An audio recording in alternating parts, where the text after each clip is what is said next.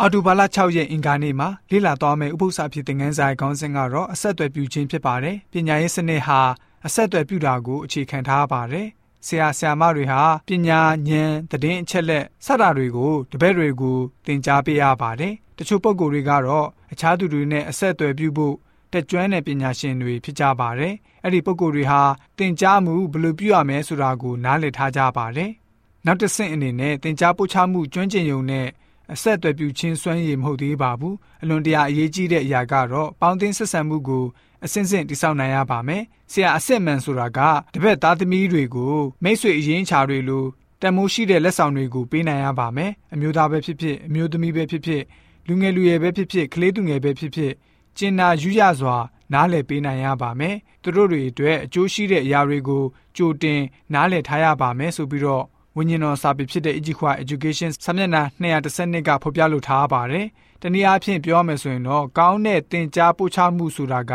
စိတ်ခံစားမှုကိုလည်းပဲသင်ပေးတတ်ရပါမယ်။ကိုယ်ကာယအတွက်လည်းပဲသင်ကြားပေးတတ်ရပါမယ်။မိသားစုအိမ်တော်ကိုစတင်ကျောင်းတစ်ပွဲအသုံးပြုခြင်းဟာအလွန်မှပင်အရေးကြီးလာပါတယ်။ကျောင်းသူကျောင်းသားတွေနဲ့ဆရာတွေကြားကောင်းတဲ့ဆက်ဆံရေးကိုလည်းပဲတည်ဆောက်တတ်ရပါမယ်။ယင်းဤဆက်သွယ်ခြင်းအစဟာစတင်အဆက်အသွယ်ပြုခြင်းကနေတစတစတိုးတက်တိဆောက်သွားရတာဖြစ်ပါတယ်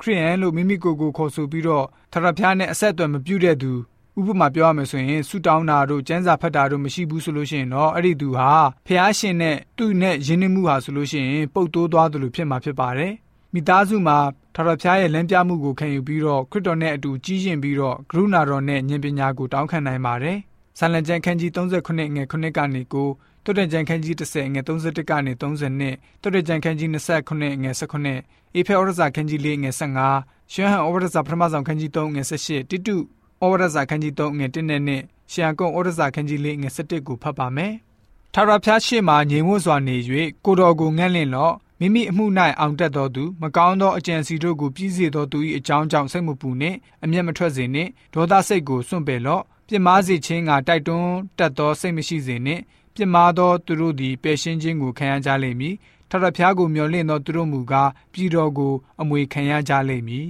။ဖြောင့်မတ်သောသူ၏နှုတ်မှပညာစကားထွက်တတ်၏ကောက်လိန်သောရှာမှုကားအပြည့်ခံရလိမ့်မည်။ဖြောင့်မတ်သောသူ၏နှုတ်ခမ်းတို့သည်နှစ်သက်ပွေသောအရာကိုတည်ကျွမ်းတတ်၏မတရားသောသူတို့မူကားဆန့်ကျင်သောစကားကိုပြောတတ်ကြ၏။တန်ကိုတန်ဖြင့်ထက်စေတကဲ့သို့လူသည်အဆွေခင်မွန်း၏မျက်နာကိုထက်စေတတ်၏ မေတ္တာစိတ်နှင့်တမန်တရားကိုဟောပြောသဖြင့်ဥကောင်းတည်းဟူသောခရစ်တော်မှာအရာရာတို့၌ကြီးပွားကြမည်အကြောင်းတည်းချစ်သားတို့ငါတို့သည်စကားပြောကများအားဖြင့်သာမချစ်ဘဲစိတ်ပါကိုရောက်ဧကန်အမှန်ချစ်ကြကုန်အံ့လူတို့သည်အထွတ်အမြတ်အာနာဇက်၏အုပ်ဆိုးခြင်းကိုဝန်ခံစေခြင်းက၎င်းမင်း၏စကားကိုနားထောင်စေခြင်းက၎င်းကောင်းသောအမှုအမျိုးမျိုးတို့ကိုပြု၍အသင့်ဖြစ်စေခြင်းက၎င်းအဘယ်သူကိုမျှမကဲ့ရဲ့ရန်တွေခြင်းကိုမပြုဖြင်းညင်းသောသဘောရှိ၍ခတ်သိမ်းသောသူတို့၌အလွန်နူးညံ့သိမ်မွေ့စွာပြုစေခြင်းက၎င်း တတိပေးလော့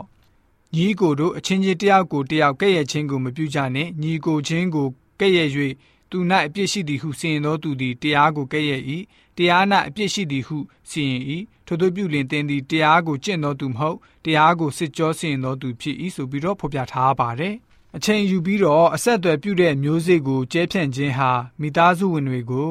ခရစ်တော်နဲ့ယဉ်ဤကျွမ်းဝင်စေတာမကဘူးမိသားစုဝင်အချင်းချင်းအတွက်ကိုလည်းပဲ ရင်းနှီးချစ်ခင်မှုကိုဖြစ်စေပါတယ်။တားငယ်သမီးငယ်တွေအတွက်ကြီးရင်သွားသည့်တိုင်အောင်ပျော်ရွှင်ဝမ်းမြောက်ခြင်းကိုရရှိစေပါတယ်။ကျွန်တော်တို့စီမှာ